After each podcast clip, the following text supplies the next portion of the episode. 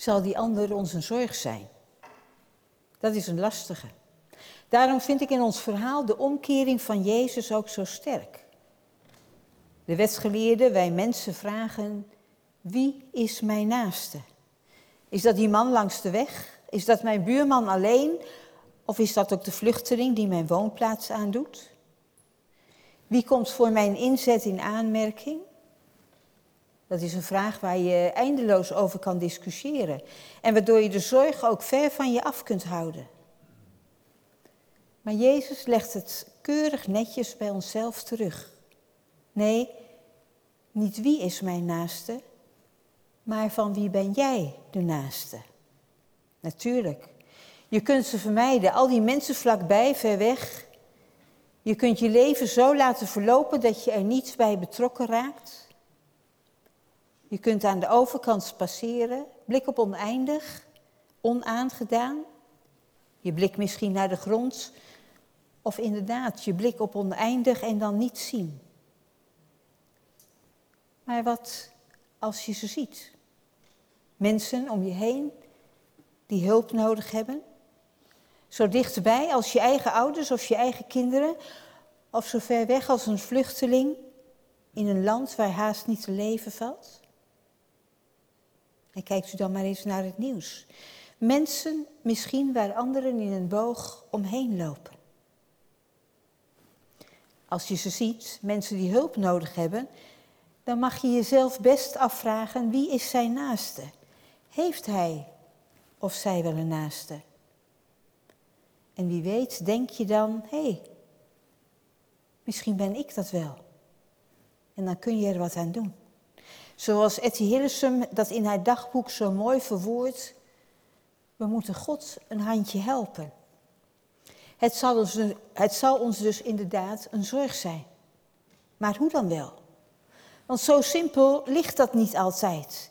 Je kunt er namelijk als mens ook compleet in ondergaan, in verzuipen. En je ziet dat soms ook gebeuren. Geven en ontvangen, is dat een beetje in evenwicht met elkaar? En daarmee komen we bij dat tweede verhaal van vandaag, dat er direct op volgt. Heel pastoraal van de evangelist. Alsof hij voelt dat er nog meer gezegd moet worden. Want in dat zorgen, en als je dat doet, kun je inderdaad compleet verdwijnen als mens, compleet ten onder gaan. Kijk mij. Kijk die Martha toch eens werken, sloven. Ze doet en ze doet. Ze werkt zich bijkans over de kop. En een paar meter verderop zit haar zus Maria. Irritant gewoon. Lekker op haar luier, u weet wel, zit ze te luisteren. Dat is helder. Hier in dit huis is geen evenwicht. Dit is niet in verhouding. En dan toch krijgt Martha, degene die zorgt, een uitbrander. Klopt dat wel? Ja, het klopt. Wat Martha doet is uitstekend. Zorgen is geweldig. Maar soms is er een moment waarop er iets anders nodig is. Je kunt niet altijd paraat zijn. Je kunt niet altijd klaarstaan. Ook helpen kent grenzen. Ook er zijn voor de ander kent grenzen. Je hebt ook eigen tijd nodig. Tijd om bij jezelf te zijn. Tijd om op adem te komen. Tijd om gevoed te worden. Niemand kan totaal worden opgeëist. Alles heeft zijn tijd en eigen grenzen. Je kunt elkaar beter helpen en tot steun zijn als de een de ander niet opeist en eigen tijd gunt. Als je elkaar ook een eigen leven gunt. Maar eigenlijk is dan onze vraag: hoe kun je nou zien wanneer er een houding als van Martha nodig is, of wanneer een als van Maria? Hoe kunnen we ervoor zorgen dat de balans niet verstoord raakt? Hoe vind je evenwicht? Ook dat is niet zo eenvoudig te zeggen. En om het nog wat ingewikkelder te maken, u hebt vanmorgen dat gebed van Franciscus gehoord. Door te geven, ontvangen wij. Geeft Martha wel alleen? Ontvangt zij niet ook? Want zorgen voor de ander kan ook heel zinvol voor je zijn. kan een deel van je levensvervulling worden.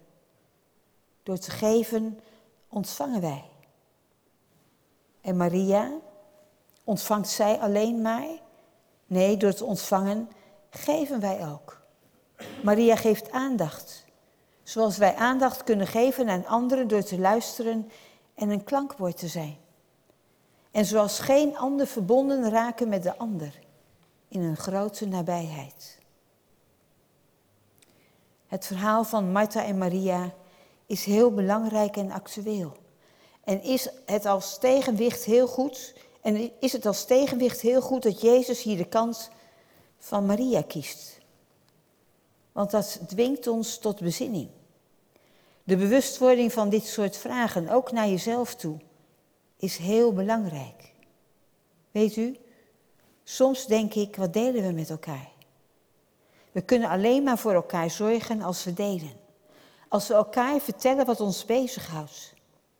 En daarbij wil ik dan wel direct zeggen dat het dan wel gaat om onze zorgen. Dat wat ons bezighoudt. En niet de roddel en de achterklap waar we ons soms zo mee bezig kunnen houden. Het gaat om echte zorg. Echte aandacht voor elkaar. Wat heb je daarin te geven en hoe is het om afhankelijk te zijn en zo op anderen aangewezen te zijn? En kun je ook echt ontvangen? Als geloofsgemeenschap kunnen we niet zonder die beweging van geven en ontvangen.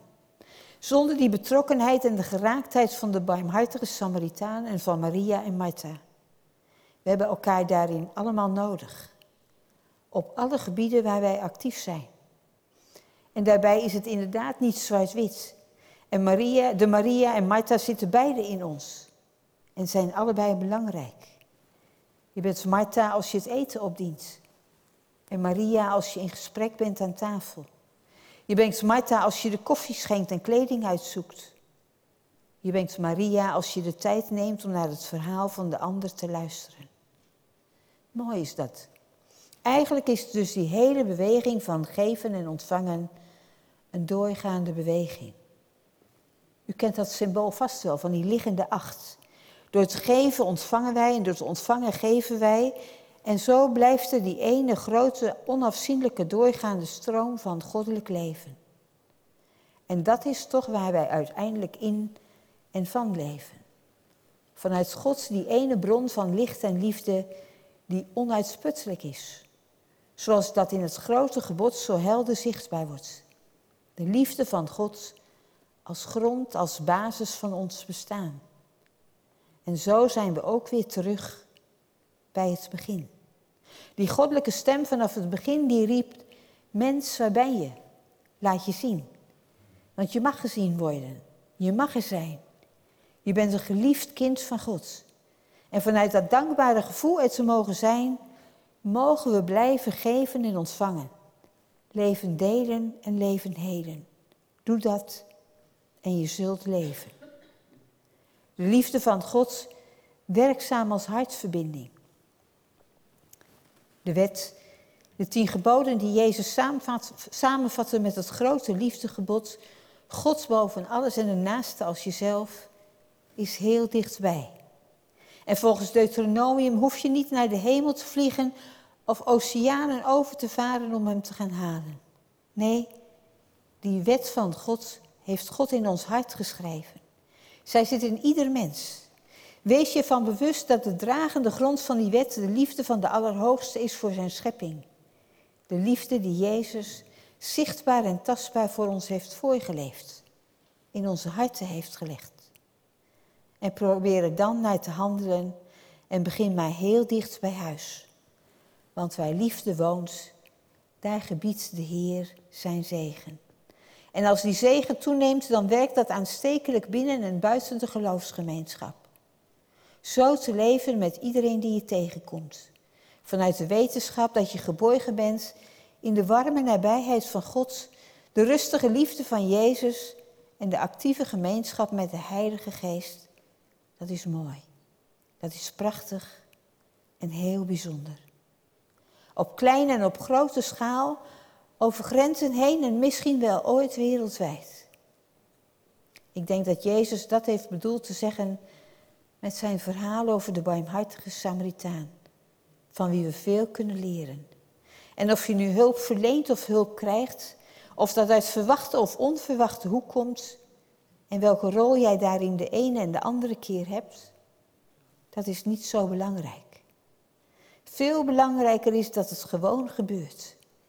Dat mensen met elkaar een hartsverbinding krijgen en de liefde van de Allerhoogste in en door ons heen kan gaan stromen. Zo worden we een hechte geloofsgemeenschap die veel kan gaan betekenen in tijden van onzekerheid, van angst en misschien van crisis. Dat is het waar het volgens mij om gaat in het christelijk geloof. Te leven zoals God het bedoeld heeft. Amen.